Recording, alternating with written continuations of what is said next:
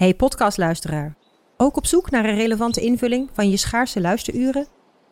Tune dan in op de podcastserie ESG, even samengevat van BNP Paribas. Wij, Marloes en Aldert, spreken daar duurzame voorlopers en wereldverbeteraars. Waarover dan? Nou, bijvoorbeeld of we ooit duurzaam kunnen gaan vliegen. En waarom koeien in de stad nou een goed idee is? Dat en meer elke twee weken in een nieuwe aflevering. Dus abonneer je. ESG, even samengevat. Ik ben al jaren ondernemer, maar waar moet ik eigenlijk allemaal aan denken nu ik voor het eerst personeel wil aannemen, voor het eerst ga importeren of voor het eerst een bedrijfslocatie zoek? Weet wat je wel of niet moet doen bij zaken die je voor het eerst oppakt. Check kvk.nl voor praktische stappenplannen. KVK, hou vast voor ondernemers.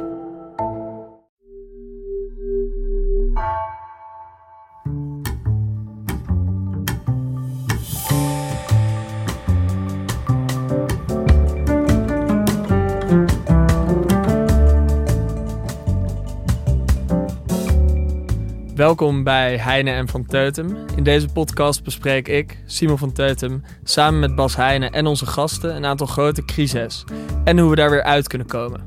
Vandaag praten we met Mathieu Zegers, historicus gespecialiseerd in Europese politiek, over democratie en over Europa.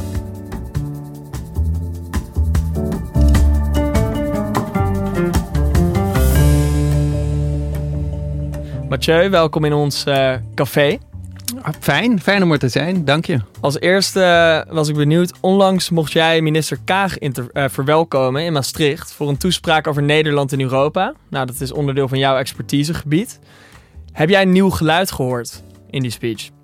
Ja, ik heb eigenlijk wel een nieuw geluid gehoord. En dat was ook wel te merken aan de aanwezigen. Want uh, de Brusselse pers was ook aanwezig. En die hadden een dag eerder al in de Financial Times kunnen lezen dat uh, de minister van Financiën, Sigrid Kaag, uh, eigenlijk het Stabiliteits- en Groeipact uh, opnieuw tegen het licht wil houden. Wel natuurlijk vanuit een Nederlandse positie, maar desalniettemin, dat was een pact. Hè, 3% begrotingstekort als maximum, uh, 60% staatsschuld. Dat was altijd heel erg belangrijk voor Nederland en ook Duitsland om ja, dat als een soort houvast te hebben bij dat gezamenlijke, grote gezamenlijke project van de, van de euro, de gezamenlijke munt en de muntunie. En dat stabiliteits- en groeipact heeft natuurlijk nooit echt optimaal gefunctioneerd. Dus heel vaak zijn die normen overschreden, daar zijn nooit sancties op gevolgd.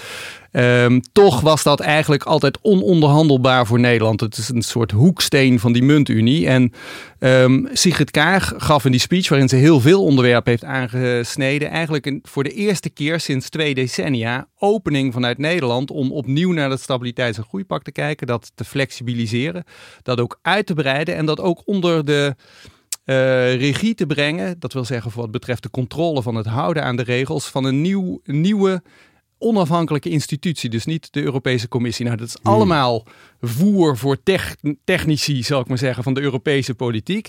En dat is echt wel Europees nieuws, want uh, dit is een Nederlandse piketpaal die eigenlijk signaleert wij willen vooruitkijken en we willen mee aan tafel zitten bij het opnieuw uh, ontwerpen eigenlijk van de muntunie in de context van de huidige tijd, inclusief uh, de realiteit van de oorlog in Oekraïne. Natuurlijk. En, en de rest, want er was ook een, laten we zeggen, een ideeel uh, deel Zeker. aan.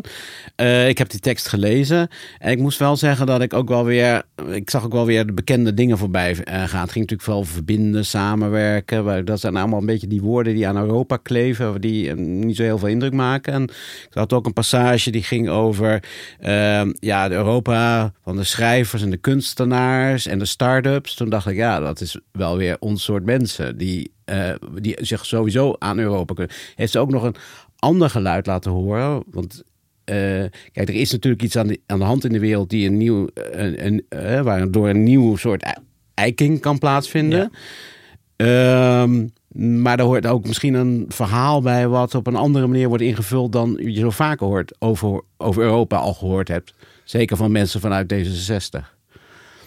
Bas, mag ik zeggen dat dit een, een, een wat Haagse analyse is van een Europa-speech. Dus um, ik denk... Nou, uh, jij, Haags? Ja, Haags, ja. Want um, kijk, um, de lijn van de dat is laatste... nog nooit verteld. Nee, nee, dat dacht ik al. Ja. Daar, dus de lijn van de laatste uh, Europa-uitingen van de laatste jaren vanuit de Nederlandse regering was heel erg...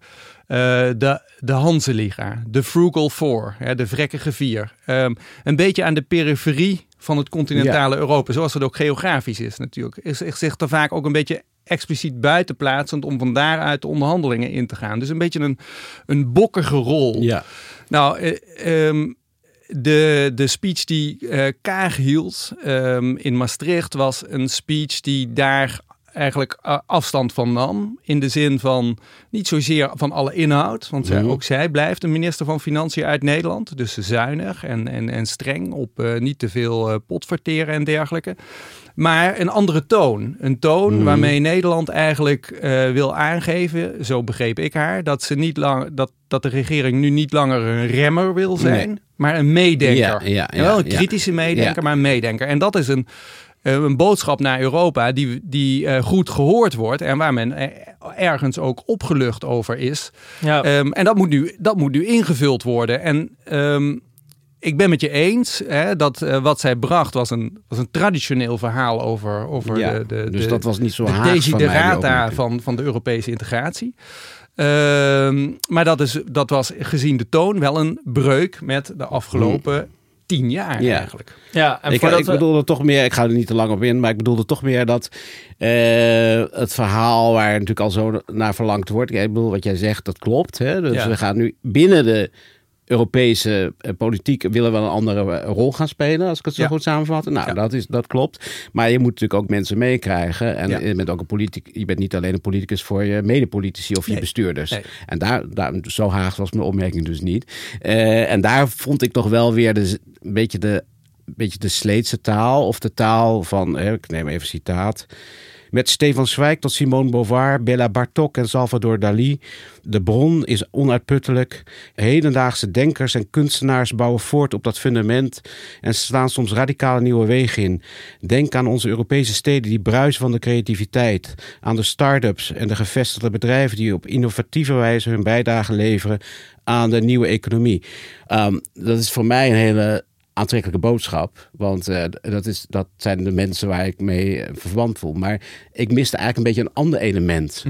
Eh, en en dat, ik had eigenlijk gehoopt dat zij ook daar een nieuw elan zou verkondigen. Nou, ik denk wel dat ze het, ze heeft in het tweede gedeelte van haar speech wel stilgestaan. En ook zeker bij het gesprek daarna wat ik met haar had, met de zaal samen.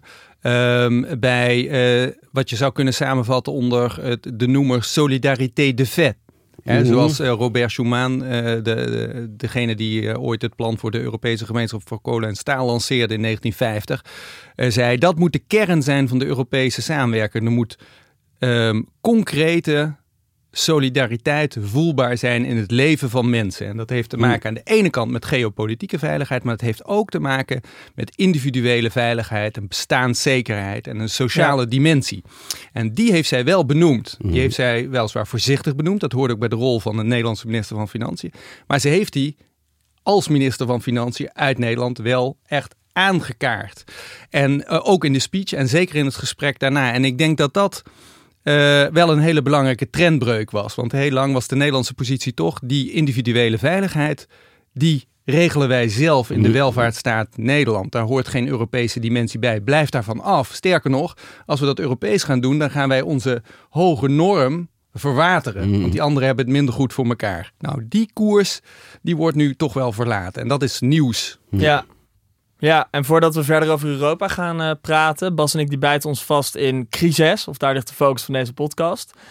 Jouw stukken over de Nederlandse politiek wekken bij mij vaak de indruk dat er wel sprake is van een crisis in de Nederlandse democratie of in de Nederlandse politiek. Klopt dat en hoe, hoe ziet die crisis eruit uit jou, eh, vanuit jouw oogpunt? Ja, ik denk dat dat wel klopt. Hoewel we het zelf niet zo snel definiëren als crisis, is, is er denk ik inderdaad sprake van een crisis eh, in de Nederlandse democratie, die als, als het ware een beetje sluimerend is en die af en toe heel erg naar boven komt. Bijvoorbeeld in het geval van het toeslagenschandaal, waar je ziet dat er allerlei dingen niet functioneren. Als je dan dieper gaat kijken, is die crisis volgens mij toe te schrijven aan een, eh, aan een eh, zeer groot zelfvertrouwen dat gegroeid is in het naoorlogse Nederland.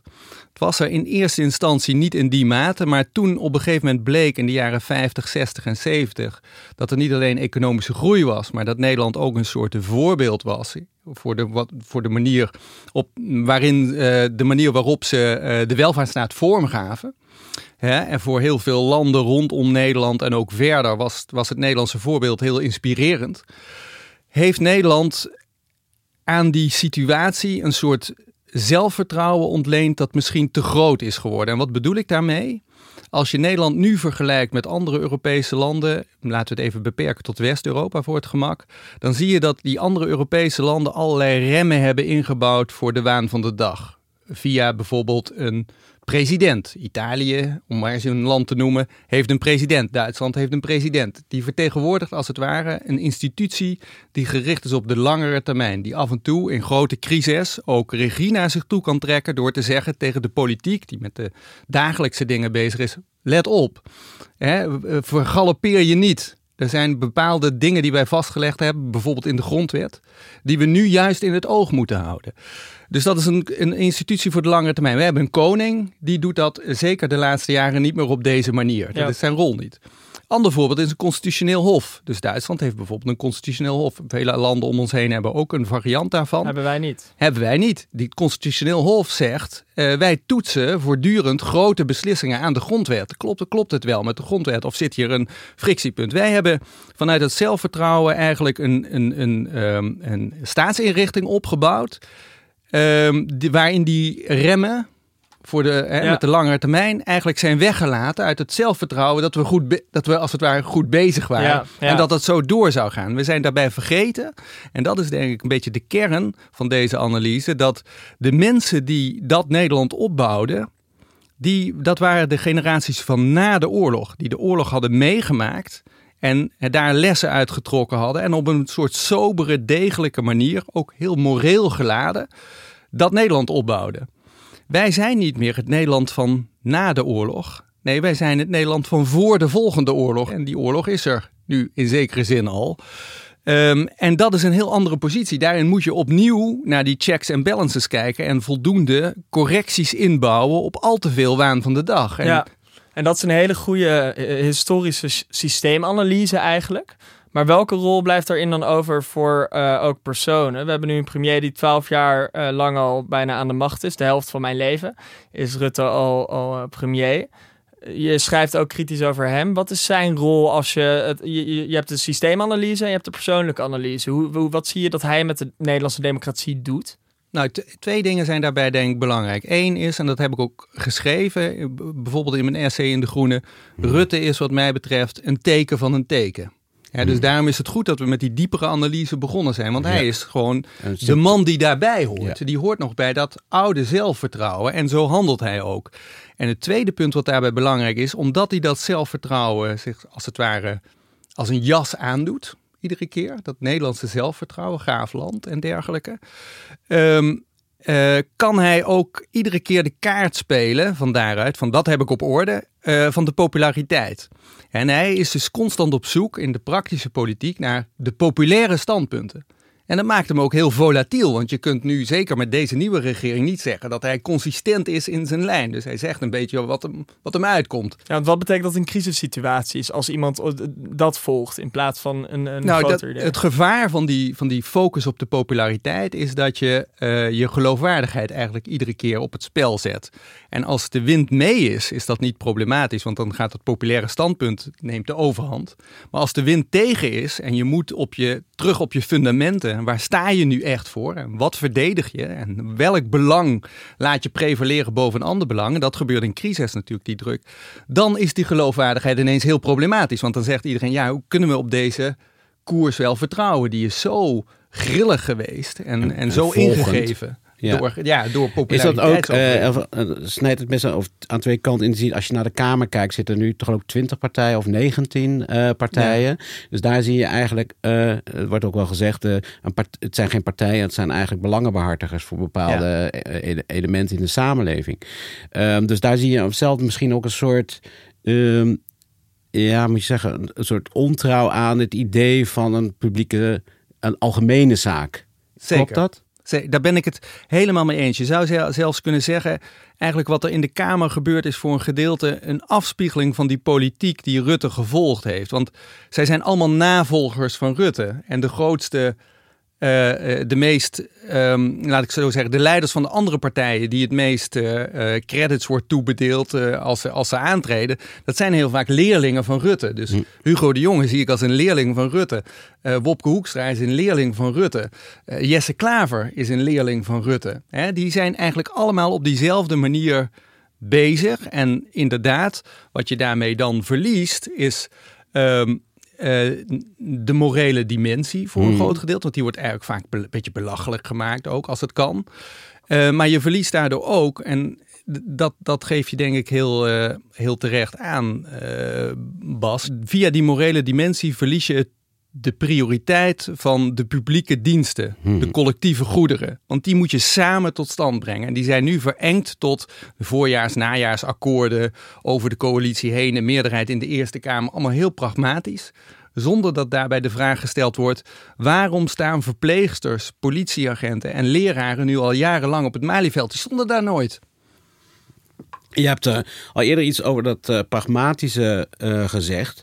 Dat is daar ben je heel ambivalent in. Hè? Aan de ene kant is het natuurlijk, je zegt, die, Nederland is juist omdat ze niet zoveel geschiedenis met zich meetorsen, omdat ook niet zo'n bewustzijn of niet veel tradities heiligen of, uh, of, of, of uh, uh, ontzag hebben voor autoriteit uit het verleden. Als een partijleider af, aftreedt, dan is hij ook verdwenen, zullen we maar zeggen. Er zijn geen gewetens van de politiek, al hoogstens als cliché. En hij zegt dat pragmatische, dat maakt Nederland dus eigenlijk wendbaar. Dus het uh, voorheen wendbaar, moet je maar zeggen. Want ik weet niet in de pandemie of het zo wendbaar was. Maar in ieder geval met, is er trots op dat men snel reageert op dingen.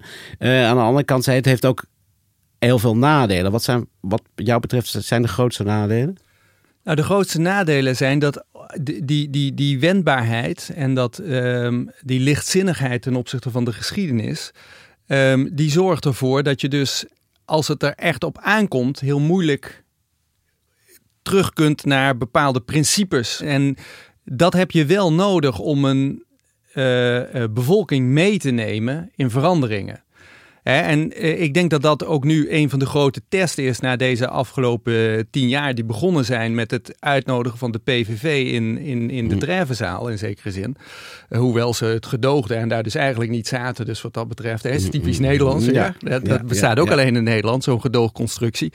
Um, maar die begon daarmee en het, we benaderen nu het eindpunt, want de, de, de bevolking op allerlei manieren, manieren schreeuwt om principes en de politiek zoekt nu naar waar zitten die. En ik, eh, om terug te komen op die speech van Kaag, je zou kunnen zeggen, Kaag paste heel goed in de, dit moment van Oembroeg. Want zij slaat nu een soort eerste piketpaal waarin ze zegt, nou ik heb wel wat principes. Bam.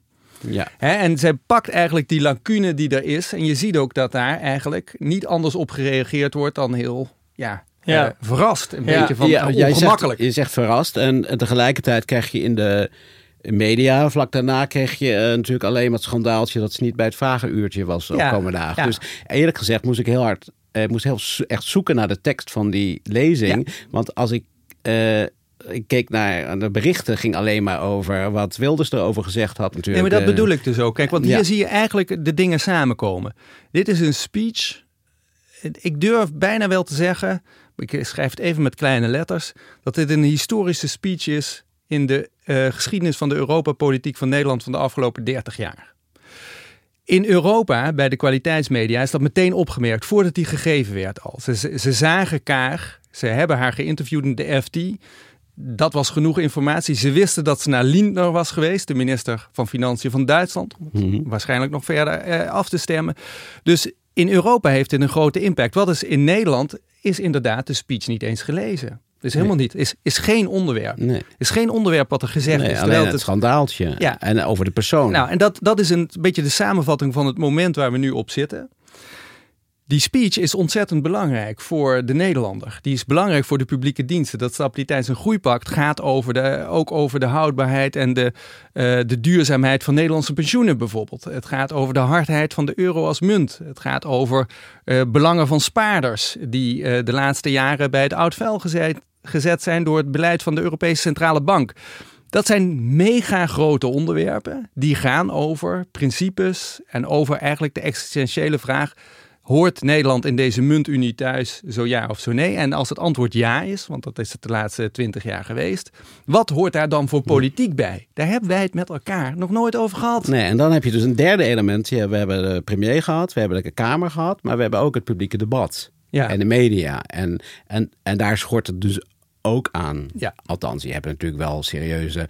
Nee, daar schort het maar- echt heel Ja. erg aan. Dus ik, ik zeg wel eens, en dat is een beetje gechargeerd, maar de laatste keer dat wij het met elkaar in Nederland in de democratische arena, de Tweede Kamer, gehad hebben over onze positie in Europa op fundamentele gronden. Hè, waar- waar- waarom zitten we erin? Waarom zouden we erin willen blijven?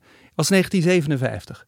Het debat over de ratificatie van de verdragen van Rome, waar Jelle Zijlstra moest verdedigen ten opzichte van eh, protestantse scherpslijpers, dus ARP en CAU, die eigenlijk zeiden: we zitten in de verkeerde club. Wij horen bij Scandinavië en bij het Verenigd Koninkrijk. En we zitten nu met allerlei katholieke landen uit continentaal Europa, die we eigenlijk maar half vertrouwen als het gaat over de belangrijke dingen voor onze welvaartsstaat. Hoe kunt u dat, Jelle Zijlstra, verantwoorden?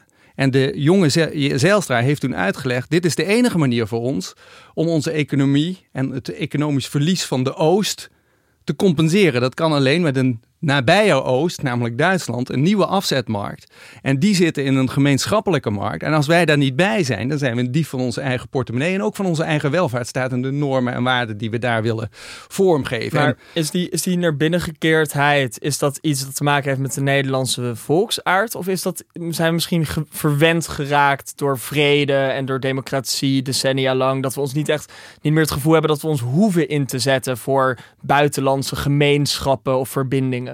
Beide. Dus ik denk dat het co- comfort is een heel belangrijke factor En van de laatste... geïndividualiseerd natuurlijk ook. Want het was natuurlijk in de jaren 50 een andere samenleving. Zeker. Maar dat zijn in andere landen ook zo, Maar, je maar zeggen. precies. Hè? Dus ik, ik denk dat beide waar is. Dus het comfort heeft gezorgd voor eh, te veel afleiding van de hoofdzaken, zou je kunnen zeggen. En dat zie je nog steeds eigenlijk in het huidige politieke debat. Dat hebben we net besproken.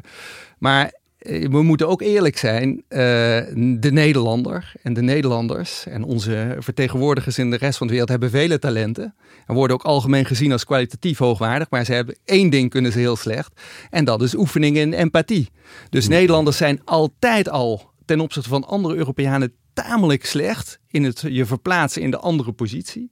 Laat staan het opbrengen van een soort vingerspitsengevoel voor eh, gevoeligheden bij anderen. En als het ergens om draait in die Europese integratie, in de, in de onderhandelingen, is het vind je die ruimte waar je voor elkaars gevoeligheden begrip op kunt brengen. Zonder dat je ze helemaal doorgrondt, maar dat je ziet van oké, dat is de positie van diegene, die gevoeligheid respecteer ik.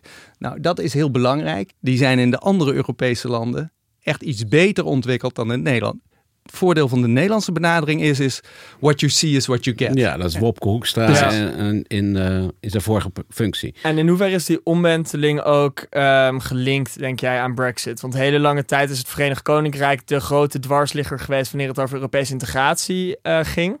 Nu zijn zij weg, maar Nederland stond eigenlijk altijd achter die brede schouders van de Britten. Want wij hebben ook een eh, referendum gehad over eh, de grondwet in 2005. We hebben het associatieverdrag eh, referendum gehad. We hebben bij het Europees Herstelfonds voor het eerst, toen die Britten echt er eenmaal uit waren, hebben Wopke Hoekstra en, en premier Rutte hebben een soort wedstrijd gedaan wie het meest vervelend kon zijn, omdat de verkiezingen al in het verschiet lagen. Zonder resultaat uiteindelijk, want die gemeenschappelijke schuld is er gewoon gekomen. I- was, was Het- dat het een recovery fund is er ja, het- gekomen. ja, ja, maar er, er komt ook gemeenschappelijke schuld. Nee, er is, wordt gemeenschappelijk geleend. Oké, dus je ja. zou wel kunnen zeggen, als je, het, als je het heel karikaturaal samenvat, zou je kunnen zeggen, het is een gemeenschappelijke schuld. ja. Maar je zou ook kunnen zeggen, het is een gemeenschappelijke opbrengst. Hè? Want ik bedoel... Tuurlijk, ja, dus- ja, ja. Nee, maar zo werd het op dat moment in de zo Nederlandse debat Nederlandse- geframed. Zeker, zeker. Ehm, ik, ik bedoel meer het punt te maken dat zij, zij hebben heel veel politieke goodwill verloren voor Nederland. Zonder uiteindelijk het resultaat te behalen wat zij voor ogen hadden. Was dat voor een, misschien binnen de Nederlandse politiek een soort van wake-up call. Waar nu ook die nieuwe koers van Kaag uit voortkomt? Van wij kunnen wel de hele tijd dwars gaan liggen. Maar ook nu de Britten weg zijn, eh, gaat het ons meer kosten dan opleveren. Ja, ik denk uiteindelijk, je hebt gelijk met deze analyse. Dus wat, wat dit was, was een nederlagenstrategie. Dat, dat zag iedereen. En eh, de collateral in Europa nam alleen maar toe. De verstoring van de Duits-Nederlandse relatie, bijvoorbeeld door die top in 2020, waar het ging over het herstelfonds en waar wij het eh, consequent hadden over giften, terwijl het over subsidies ging en al dat soort dingen meer, heeft inderdaad niks opgeleverd, alleen een nederlaag en veel collateral. Maar dat werd gedaan, en dat gaf je eigenlijk ook al aan, vanwege de binnenlandse politiek. Juist, en daar ja. was het electorale succes van deze opstelling tamelijk aanzienlijk. Er Zelfs werd nog- D66'ers, die waren er niet. eh, Nee, nee voor, hè? ja. Dus, en daar zit een hele belangrijke eh, Wrijving. Ja, een, een spanningsveld. Want langzamerhand is na die top van eh, juli 2020 wel de calculatie geworden, denk ik, in politiek Den Haag. Deze nederlagenstrategie begint nu wel erg veel collateral op te leveren. Bovendien plaatst ons buiten het centrum. Hè? En daar komt, er staan allerlei tekentafels nu in Brussel. Waar nieuwe dingen bedacht worden. Normaal gesproken zit Nederland daarbij omdat ze gewaardeerd worden voor wat betreft het niveau van de mensen die ze leveren. En hun denkkracht, maar ook vanwege hun kritiek. Hè? Dus de Duitsers heeft Nederland er graag bij. Dus ook daarom was Duitsland, als het ware, eh, uit balans gebracht door de Nederlandse opstelling. Van we, we, we willen graag dat jullie kritisch zijn. Maar niet cynisch. nee, maar niet cynisch, Ja. inderdaad. En niet alleen maar binnenlandse politiek. Maar dat, die, dat dat nodig was voor die binnenlandse politiek, dat staat eigenlijk terug op waar we mee begonnen over dat verhaal van Kaag. Daar heb je dus toch ook iets voor nodig. Je kan het wel afdwingen van het is, we gaan het gewoon doen. Hè. Ik ben, jaren geleden ben ik een keer over eh, in een, bij een discussie geweest over Europa met Robert Cooper. Zo'n, en die Ja. zei, ja, Europa is een eliteproject altijd geweest, net als ruimtevaart. Dat kan je ook, moet je ook niet uitleggen aan, eh, aan, aan gewone mensen, want die snappen het toch niet. Dat was wel een beetje de houding, want er was, toen was er geen core van protest. Het was nog het was ruim voor, eh, Ja. eh, voor- voor 2000. Maar goed, toen was het een soort consensus zo van, ja, de- we hoorden dat gerommel wel. eh, maar dat gerommel is best een koor geworden in Nederland. En Ja. ook een soort hardnekkig koor. Waardoor die heel veel politiek echt elke keer buigt naar dat koor. Eh, Ja, maar ook in de rest van Europa. Dus ik denk, Ja. dit is een heel cruciaal punt. Dus ehm, wat, wat hebben we in de eurocrisis gedaan? Uiteindelijk toen puntje bij paaltje kwam en toen de euro gered weer, moest worden en iedereen het daarover eens was, is de politieke verantwoordelijkheid niet genomen door de regeringen. Dus wij hadden een, bijvoorbeeld een regeringsleider die drukte op een rode knop bij een spelquiz met nieuwe leningen aan de Grieken. Die, die, die gaan we niet geven, dat gaf ze wel.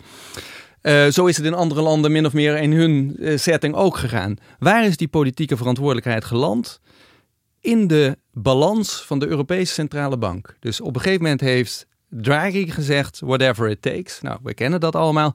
Vervolgens is eigenlijk de politieke verantwoordelijkheid verschoven naar de ECB. Die zijn geld gaan fourneren om de zaak draaiende te houden. Het gevolg daarvan was wel, en daarom werd het ook gedaan, en dat sluit aan bij wat jij zei, dat je niet meer door de nationale parlementen hoefde. Want de ECB is Ja, apolitiek. apolitiek opzicht. Ja. van de politieke. Dus het lag bij de technocraten. Nu hebben we dus een enorm politiek product, namelijk solidariteit in financieel-economische zin sinds de eurocrisis, die niet democratisch gelegitimeerd is, maar verstopt zit in de balansen van de ECB.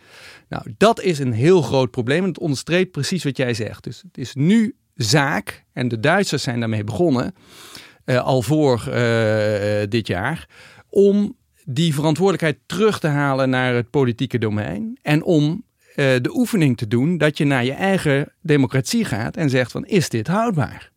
Kan dit? En dat kan, eh, dat kan. Het is een gewaagde onderneming. Ja. Het is gevaarlijk. Maar het kan als je een compleet verhaal houdt. Ja. Als je, en, en dus geen cynisch verhaal. En Ja. geen gestileerd verhaal voor de verkiezingen. Het moet zelfs misschien, toch? De- de- de- ik, eh, als je het mij zou vragen, is het, Ja. het is a- a- zeer urgent. Als er iets urgent is, is het dit. Hè, dat de lidstaten die dit project dragen, want het is door hun bedacht, uitgevoerd en wordt nu vormgegeven, dat die regeringen van die lidstaten ook de verantwoordelijkheid nemen om bij hun eigen constituencies, dus hun eigen democratie, hun achterbannen, toe te lichten, niet uit te leggen. Hm. Toe te lichten wat het pakket is, wat Ja. iedere keer aan de orde Maar dan moet er dus over Europa gesproken worden. En ik herinner me dat jij eh, bij de vorige verkiezingen betrokken was bij het Twitter-initiatief de EU-olifant. Eh dat was heel grappig. Dat was Ja. De olifant waar niet over gepraat werd in die verkiezingsstrijd. De olifant in de kamer. En dat Ja. was steeds, eh, dat was een heel grappige meme, zullen we maar zeggen. Ja. Er werd veel, eh, veel over gesproken.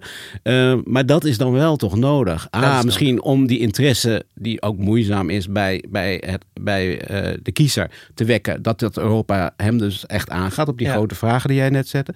Aan de andere kant ook eh, dat de politici ook die durf hebben, het lef hebben en ook het vermogen om een verhaal te vertellen wat dan eh, wel echt Ja. eh, puntjes op de i zet Ja. wat onze eigen betrokkenheid eh, betreft. En dat, zie je daar iets in veranderen? Ja, nou, dus Nee. kijk, wij, wij zijn er nog lang niet. Hè? Dus Nee. dit is een cultuuromslag. Die moet ook gemaakt worden in de Nederlandse samenleving. En je zei al eerder, de pers hoort daar bijvoorbeeld ook bij. Dus die speech van Kaag is een Europa-speech. En dat is op zichzelf al een, een, een event in Nederland. Hm. Onze premier geeft altijd Europa-speeches, maar nooit in Nederland. Hij gaat altijd eh, onderhandelen met Europese partners en met de Europese Commissie, maar nooit in Nederland. Hij geeft nooit een hand aan de voorzitter van de Europese Commissie voor het Katshuis. Er staat geen Europese vlag achter hem als hij over Europese zaken praat. Als hij dus een Europa-speech geeft, hij geeft er één hè, de dag nadat Kager een gegeven heeft, eh, de, eh, dan is hij in Frankrijk. Eh, of in dit geval dus in Frankrijk, of in Londen, of, Ja. in, of in Berlijn. En dat zegt eigenlijk alles. Dus die speech van Kaag is eigenlijk een heel belangrijk moment. Het is de eerste poging van een hooggeplaatste Nederlandse regeringspoliticus om dat debat naar Nederland te trekken. En zie je? wrijving, misschien de wrijving tussen de binnenlandse politieke belangen en eh, buitenlands Ja, verstand, om dat te overbruggen Ja, eigenlijk. precies. En ook bij, bij elkaar te brengen. Aan te tonen dat daar minder... eh, dus wat zij bijvoorbeeld zei... Het is een platitude en het is een platgetreden pad. Maar in Nederland hoor je het niet zo vaak. Zei, het is geen keuze tussen soevereiniteit van de nazistaat... eh, en Europese samenwerking. Nee, de soevereiniteit van de nazistaat wordt sterker door die Europese samenleving. Wij kunnen ons soevereiner opstellen dankzij dat samenwerkingsverband. En dat is iets wat ze in die speech bijvoorbeeld zei. En wat je in Nederland zelden hoort, maar wat natuurlijk wel zo is. Maar weer even uitzoomend. Je hebt het net over een cultuuromslag die er moet gebeuren. Niet alleen in Nederland, maar waarschijnlijk ook in een groot deel van de rest van Europa. Welke rol zal de aanval van Poetin op Oekraïne eh, daarin spelen? De, verwacht jij dat een externe druk of externe dreiging meer draagvlak of zelfs vraag onder de bevolking creëert voor een sterker Europa? Ik denk dat het hier gaat over realisme. Dus menig ehm, eh, collega van mij in eh, de wereld heeft opgeschreven... niemand heeft zoveel gedaan voor de Europese integratie als eh, eh. Stalin. Oh, Stalin, ja, oké. Dus, en nu heb je eigenlijk daarvan een soort verre echo. Hm. Ehm, en je ziet ook wat het effect is. Dus wat jij beschrijft is aan de hand. Hè? Er is een eh, zoektocht naar ankers. En die ankers worden toch gevonden in die Europese integratie. Duitsland geeft hier een enorm voorbeeld. Nadat ze heel lang die boot hebben afgehouden op defensie. eh, ook op ehm, eh, ehm, echte economische samenwerking. slaan ze nu hele grote stappen. Eh, zetten ze nu hele grote stappen de andere kant op. Waarbij ze zeggen: ja, hè, de, de enige weg voor Duitsland in deze situatie met zoveel onzekerheid, waarin het bastion, vergeet dat niet, van het internationale multilateralisme heel klein aan het worden is. Want eigenlijk doet de VS daar ook al niet meer aan mee. Dus dat is alleen nog maar Europa. En dan binnen het Europa van de Europese integratie is het eigenlijk alleen West-Europa. Want met de Oost-Europeanen zijn er disputen over wat nou eigenlijk de principes moeten zijn van dat multilateralisme. Nou, dat kleine wankele bastionnetje vol onzekerheid en met weinig hardpower, dat moet nu waarmaken dat dit eh, eh, idee van samenwerking ook houdbaar is in de 21ste eeuw. De Duitsers hebben daar nu gigantische stappen gezet. Niet alleen voor wat betreft defensie, maar ook voor wat betreft eh, financieel-economisch beleid. Eh, en ehm, ik denk dat dat voorbeeld eh, doet volgen. Niet alleen omdat de Franse president iemand is die een agenda heeft, Macron, waarbij dit naadloos aansluit. En die eigenlijk zegt van, ik- ben jullie partner, wij gaan dit verder aanpakken. Maar ook omdat de andere landen en bevolkingen nu op dat Europese samenklonteren, omdat ze zien, alleen gaan wij dit niet redden. Eh, ook niet als het in de toekomst om China gaat. Ja, maar is voor meer eh hard power uit Europa uiteindelijk ook nodig dat je een andere vormgeving van het gemeenschappelijks buitenlands en veiligheidsbeleid eh, nodig hebt? Om het even heel concreet te maken. Wat dus in zou houden waarschijnlijk dat waar nu bij de meeste buitenlandpolitiek van de EU nog elk land elke stap kan vetoen, Ja. zal dat dan niet meer het geval zijn? Ja, meerderheidsbesluitvorming bij buitenlands Precies, beleid. Dat is- ja. Het was ook een van de punten uit de speech van Kaag. Ja. Is ook iets wat Rutte al langer eh oppert. Ehm, Zou dat concreet kunnen betekenen dat in Nederland je ooit een referendum hebt waarin wij geen soldaten ergens heen willen sturen, maar een meerderheid in de EU bepaalt dat dat wel eh, moet?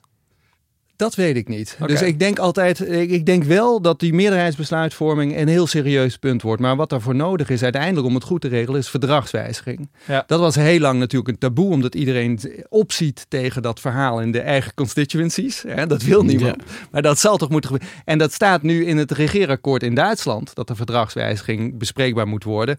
En ook in Nederland. Hè? Dus eh, ik bedoel, daar zie je ook al aan dat er een grote shift gaande is. En dat was al voor de Oekraïne-oorlog eh, aan de gang. Hè? Toen stond dat er al in.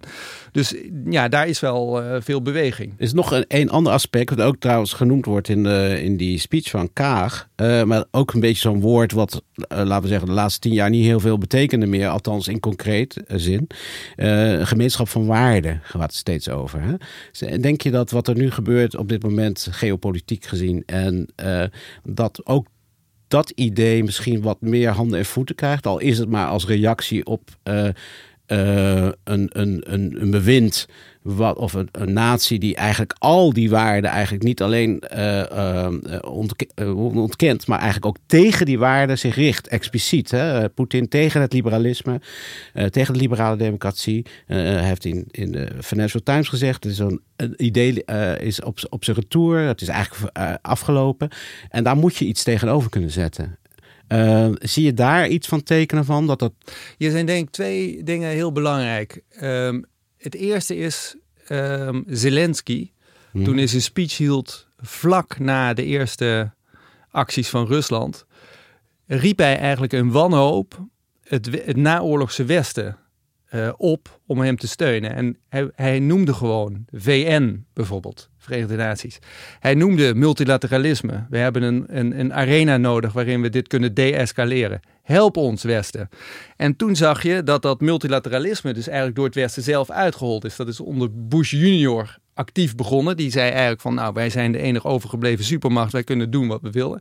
Zijn ministers, eh, eh, eh, ambassadeur bij de VN, John Bolton, die zei gewoon, de VN die doet er helemaal niet toe. Die bestaat wat mij betreft niet. Wij bepalen VS, Verenigde Staten, wat er gebeurt. Ook bij de Irak-invasie Eh, hebben, ze- hebben ze concreet het advies in de wind ges- of eigenlijk, Zeker. Ja, hebben ze hebben ze dus, dat geslagen. was, zou mijn volgende punt zijn. Vervolgens zijn ze dus begonnen met netnieuws avant la lettre. Hè? Dus ze hebben gewoon zelf allerlei dingen bedacht die ach- achteraf niet bleken te kloppen. Dus op valse voorwenselen zijn ze die oorlog ingegaan. Toen, toen was Europa daardoor al gespleten. Want de Fransen en de Duitsers wilden daar niet aan meedoen aan dit eh, feest. Maar het gevolg, het, het langetermijn gevolg daarvan was natuurlijk dat het multilateralisme werd uitgehold door de drager zelf. De Verenigde Staten had dat natuurlijk moreel het, de verantwoordelijkheid daarvoor. Daar zitten we nu mee. En dat betekent dat dat, dat, dat bastionnetje van multilateralisme, dat is nu beperkt tot Europa. Eh, en eh, de oproep van Zelensky viel dus ook gewoon dood. Waar is Antonio Guterres, eh, de, de, hè, de leider van de VN? Nergens. Nee, Die is helemaal nee, niet meer. nee. Wie, wie heeft het over de VN als een arena Ja, waarin iets gelegitimeerd ja, ja. Niemand. Nee, dat Ja, dat was twintig jaar geleden ondenkbaar. Ja, dat is waar. Dus dat is een teken dat, deze, dat Poetin in zekere zin gelijk heeft. Dat multilatera die multilaterale orde is zo zwak omdat die van binnen is uitgehold door onszelf. hè, De Dus Amerikanen. het is nu meer een reflectie van machtsstructuren dan dat het iets is wat de machtsstructuren beïnvloedt als extern. Ja, het is geen, precies. Het is, het, het is geen kracht op zichzelf meer. En Nee. nu dat dus eh, zoektocht is naar welke arena moeten we deescaleren. Nu, de VN is geen sprake van. Eh, de westerse, echt westerse arena's kunnen niet. Dus het enige wat er is, is nog Macron. Die heeft nog een directe lijn met, met Poetin. En iets wat er over is van dat Minsk-overleg, waarbij de Amerikanen niet aanzitten. Wat cruciaal is. Dat is een, een teken hè, dat die multilaterale orde eh, ja, echt op zijn, op zijn, eh, op zijn achterste benen eh, loopt. Het Ja. klinkt wel somber. Nou, dat klinkt heel erg zorgelijk. Ja. Hè? Dus nu is, en ik denk dus dat eh, de Duitsers dat doorhebben. Die gaan nu vol door met het investeren. En wat je ook ziet, en dat vind ik toch ook belangrijk, ehm, is eh, landen als Denemarken en Zweden. En Denemarken loopt nu daarvoor op. eh, die dus eh, hele lange tradities van neutraliteitspolitiek hebben. Die dus ook een opt-out hebben op gemeenschappelijk buitenlands en veiligheidsbeleid in de Europese Unie. Die zeggen nu, we moeten een referendum hebben binnenkort, zo snel mogelijk, Mhm. over het loslaten van die opt-out. Zodat we in dat blok komen. En dat is natuurlijk een hele nieuwe dynamiek. Hè? Dus er is ook een soort van, en ook dat gebeurt van buitenaf, niet van binnenuit, een soort bevestiging van Europa. Dat is onze hoop. Daar in, in, in dat kader moet je ook dat aanbod van von der Leyen begrijpen, of dat nou verstandig was of niet, van lidmaatschap van de Oekraïne. Ja. Hè, dit is het enige huis wat nog over is. ja.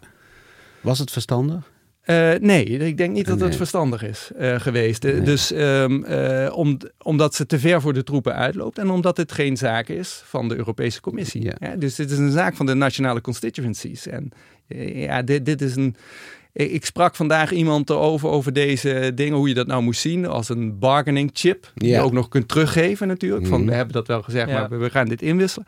Of als een pionzet die ook aan de andere kant gezien is als een pionzet. En die je dus dan vervolgens met een soort nederlaag moet terug gaan halen. Mhm. En eh, ik denk dat het er ergens tussenin zit. Het zal moeten uitkristalliseren, maar ik vond het te ver voor de troepen uit. En het is heel problematisch, omdat het verwachtingen wekt die niet kunnen worden waargemaakt. En dat is als het ware een ziekte van de Europese integratie. Mhm. Het wekken van verwachtingen Ja. die je niet waarmaakt. Ja. Dat is funest voor je geloofwaardigheid. Maar je, En- je cijfert wel in het verhaal de Verenigde Staten eigenlijk een beetje weg als we kunnen daar eigenlijk niet echt meer naar kijken als Europa. Dat is natuurlijk logisch nadat ze Trump hebben verkozen. En bij Biden is het misschien niet meer America alone, maar is het nog steeds wel een beetje America first op heel Ja. erg veel eh, ja. vlakken.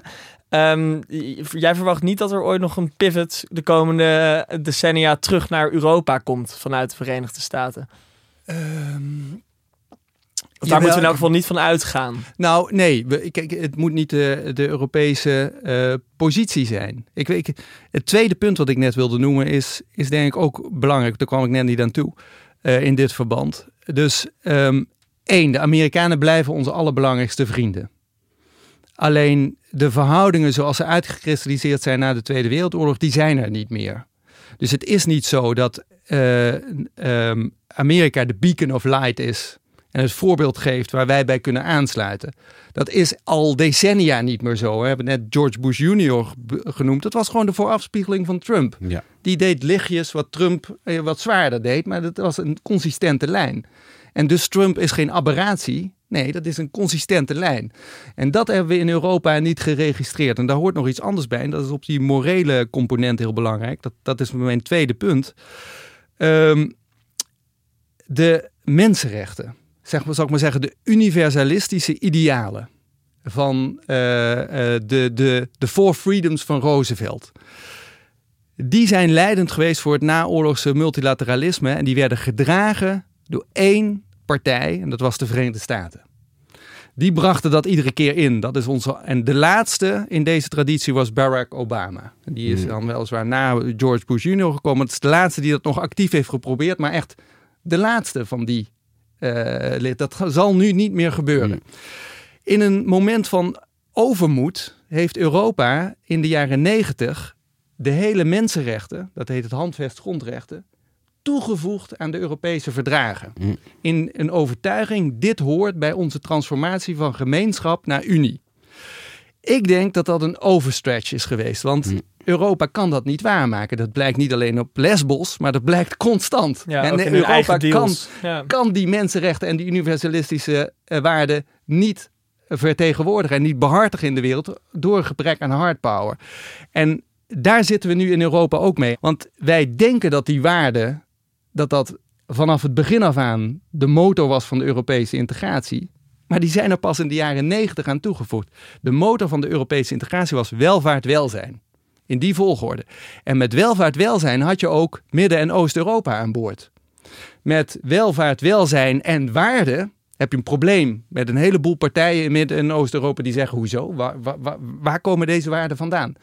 Of zoals de mm, eh, minister van Buitenlandse Zaken van Polen zei bij een nieuwjaarsreceptie een paar jaar geleden: Wij zijn tegen de Europese Commissie omdat de Europese Commissie van alle Polen fietsers en vegetariërs wil maken.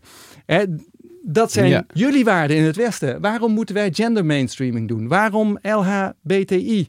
Wij weten waarom dat, dat zo belangrijk is. Maar de nou ja, botsing... dat raakt, gaat ook wel naar, gewoon naar mensenrechten Nee, maar toe. de innerlijke kracht van de Europese samenwerking als een praktisch project, Solidarité de Fait, Mhm. wat je voelt in de sfeer van welvaart en, en eh, bestaanszekerheid, Maar ben je er dat nou... is op zichzelf een hele opgave. Als je daar ook nog eens een Ja, ja. Dus je vindt het, je vindt, het is op zich wel... eh, je bent er wel... Je bent er niet tegen aan zich Nee, dat dat wordt uitgedragen. ik ben er voor. Hè? En Maar Want- ik, ben, ik ben iemand uit West-Europa. Ja, maar bijvoorbeeld als, laten we zeggen, de rechterlijke macht in Polen wordt uitgehold, is dat dan geen Europese kwestie? Jawel, dat is zeker een Europese kwestie. Hè? En, en, en eh, bij wijze van spreken is het zo dat als. Kijk, die overmoed bij het toevoegen van dat hand, handvest grondrecht is ongelooflijk belangrijk. Dus het hoort ook bij de Europese integratie, maar het was nooit een opdracht van de Europese integratie. Dat heeft de Europese integratie zich toegeëigend. En vervolgens moet men daar nu mee werken. Om, maar men, men kan het niet waarmaken eigenlijk. kan het niet waarmaken. Want mensenrechten moet je iedere dag waarmaken om dat als een geloofwaardige prioriteit te hebben. Hm. Ehm, Maar Europa maakt dat niet waar. Niet, Nee. niet, niet, niet op Lesbos, niet aan de, aan de Pools-Belarus grens als het gaat over eh migranten. Niet op de arbeidsmarkt als het gaat over arbeidsmigranten. Daar zijn zoveel vraagstukken die de geloofwaardigheid van die ambitie ondergraven. Hoe komt dat? Was dat ook als jij zegt overreach? Hè? Was dat misschien ook in de tijd dat iedereen lid wilde worden van de EU?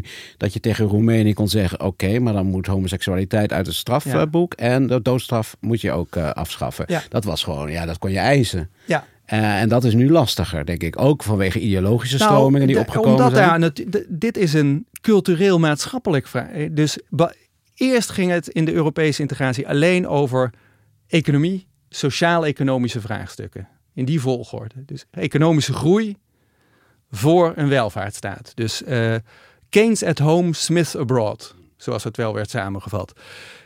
Dat was de Europese integratie. Daar zit niks bij van mensenrechten. Natuurlijk wil je op die markt een bepaalde Mhm. hè, sociale eh, norm hanteren. Maar daar zit geen actieve agenda bij van mensenrechten. Op het moment dat die er wel bij komt... en je die gaat ook nog eens een keer actief gaat bevorderen via NGO's in Polen. Ik heb het toen zelf nog meegemaakt. Ik werkte bij de Rijksoverheid. Er waren net toegetreden. Er waren grote gender mainstreamingsprogramma's. Hoe belangrijk de inhoud daarvan ook is. Hè? Want die wil ik absoluut niet Mhm. bagatelliseren. Maar die gingen met Europese subsidies eh, gefinancierde NGO's naar Midden- en Oost-Europa. Daar gingen dan de beste en de, de, de, de, de brightest eh, representanten van de jonge generatie van uit West-Europa uitleggen aan Midden- en Oost-Europa wat er nodig was om gender mainstreaming in te voeren. Terwijl dat de helft van de Poolse economie bestond uit een gemengd bedrijf. Een kip, een schaap, een varken. En men ging eh, naar de Rooms-Katholieke Kerk voor 99% van de bevolking. Dus die, dat was een, eh, ook een langs elkaar communiceren. Ja. En dat langs elkaar communiceren is veel te lang doorgegaan. Met valse verwachtingen wederzijds. Waardoor er op een gegeven moment frustratie ontstaat. En een idee ook van terecht aan de kant van de Midden- en Oost-Europeanen. Wij, zijn, moeten wij opgevoed worden? Zijn wij nog geen echte Europeanen? Zijn wij een B-lidmaatschap? En al dat soort dingen. Die werden daardoor alleen maar bevestigd. Bas, wil jij nog een laatste vraag stellen? Ehm, nou ja, over de toekomst. eh, eh, hoe deze crisis. hè, eh, we hebben de inval van Poetin en alles wat daarop gevolgd is. Eh, maar daar is ook een, een, een diepe ideologische strijd. Hè? Wat ik zei, het is ook gericht tegen juist die waarden waar Ja. jij net over had. Die misschien op een beetje bevochten manier zijn uitgedragen door die NGO's, wat je beschrijft. Maar in de kern is de aanval van Poetin ook, dat heeft Fukuyama laatst eh, beschreven. Of je het helemaal mee eens bent, weet ik niet. Maar die zegt het is ook echt een aanval op, de, op het liberalisme, op de liberale democratie. En dat is natuurlijk, en daarom heeft Poetin ook veel medestanders hier, behoorlijk veel, verrassend veel, of zowel uiterst links als uiterst rechts. Dus daar is ook een ideologische strijd gaande, waarin eh, waar Europa ook, eh, je, je kan zeggen, ja, die mensenrechten die zijn er opgeplakt en dat kunnen we niet waarmaken. Dus het is een soort overreach en misschien ook wel een soort hoogmoedigheid. Maar er is ook wel daaronder een ideologische strijd bezig die echt gaat over mensbeelden. Het gaat over hoe is een samenleving? Is dat een holistisch idee van een samenleving of is het een democratisch idee Ja. van een samenleving? Gaat het over gelijkwaardigheid of gaat het over dat één groep eh, superieur is aan de andere en de rest moet horig zijn? Dus er is ook een, een, een diepe strijd gaande. Eh, ben je daar heb je daar het gevoel dat dat ook wordt onderkend? Of is men toch te veel bezig met beleid op de vierkante meter, moet ik zeggen? Nee, ik denk wel dat het wordt onderkend. Alleen er wordt nog gezocht naar de manier waarop je, waarop je nou deze uitdaging als het ware aan moet vatten. En ik, ik ben het helemaal met je eens ehm, dat die universalistische ambities, Mhm. daar draait het om in onze samenleving. Die mensenrechten, daar moet het om draaien. Hè? Dus het feit dat ik zeg van die zijn toegevoegd aan de verdragen, dat was overmoedig, betekent niet dat ik ze niet belangrijk Mhm. vind. Ik vind het overmoedig omdat je, als je dat doet, Moet je het waarmaken. moet je wel waarmaken. ja, ja, ja. En ehm, ik denk dus dat nu een nieuwe test er is. En ik denk dat ehm, eh, Europa een van de laatste bastions is, zoals ik net, om, om dat op een geloofwaardige manier waar te maken. Maar de manier waarop dat moet, is heel veel moeilijker dan dat wij in de jaren negentig dachten. In de jaren negentig dachten wij doen het voor en ze doen het na. En eventueel geven we nog wat trainingen. Hè, Ja. En zetten we wat banners neer. Ja, En dan- dan 90 komt het niet- goed. Is, daar is een hoop fout gegaan. Er is een hoop goed gegaan en een hoop fout gegaan. Maar dat is, in ieder geval is die calculatie een veel te makkelijke. Je moet iedere dag de geloofwaardigheid van die mensenrechtenagenda bewijzen. En daar voor die opdracht staat Europa nu. En dat begint met het voorbeeld geven in je eigen samenleving. En ook daar schort het aan. Daar hebben we het begin aan gehad. Het is niet voor niets dat wij het Midden- en Oost-Europa en vanuit Poetin kritiek krijgen op onze eigen samenleving. Ehm, dat is op zichzelf belangrijk om te horen, die kritiek, om jezelf eh, serieus te verbeteren. Maar het is nu nog belangrijker, omdat het juist van landen als Nederland moet komen om dat nieuwe voorbeeld te zetten en te zeggen van oké, het kan wel degelijk. En dat is cruciaal, want die universalistische agenda, die was heel lang de sterkste agenda in het liberale deel van de wereld. Leek de sterkste agenda na de overwinning in de Koude Oorlog van de Verenigde Staten. Maar wordt nu door de klassieke tegenstander, namelijk identiteitsdenken, uitgedaagd op een hele serieuze manier. En als daar geen geloofwaardige antwoorden komen uit die universalistische hoek, dan is het binnenkort verdwenen. Want de multilaterale orde, daar hebben we het al over gehad, die is al uitgehold. Ja. Ja, met de energie van deze pep talk zullen we de uitdaging hopelijk eh aankunnen in elk geval. Dankjewel uh, Mathieu Dankjewel. voor het gesprek. Graag gedaan.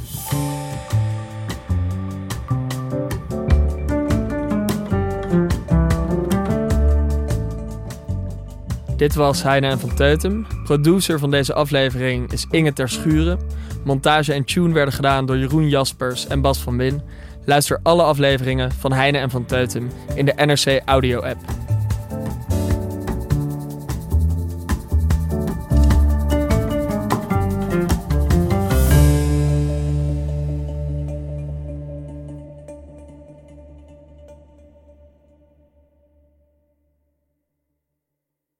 Technologie lijkt tegenwoordig het antwoord op iedere uitdaging.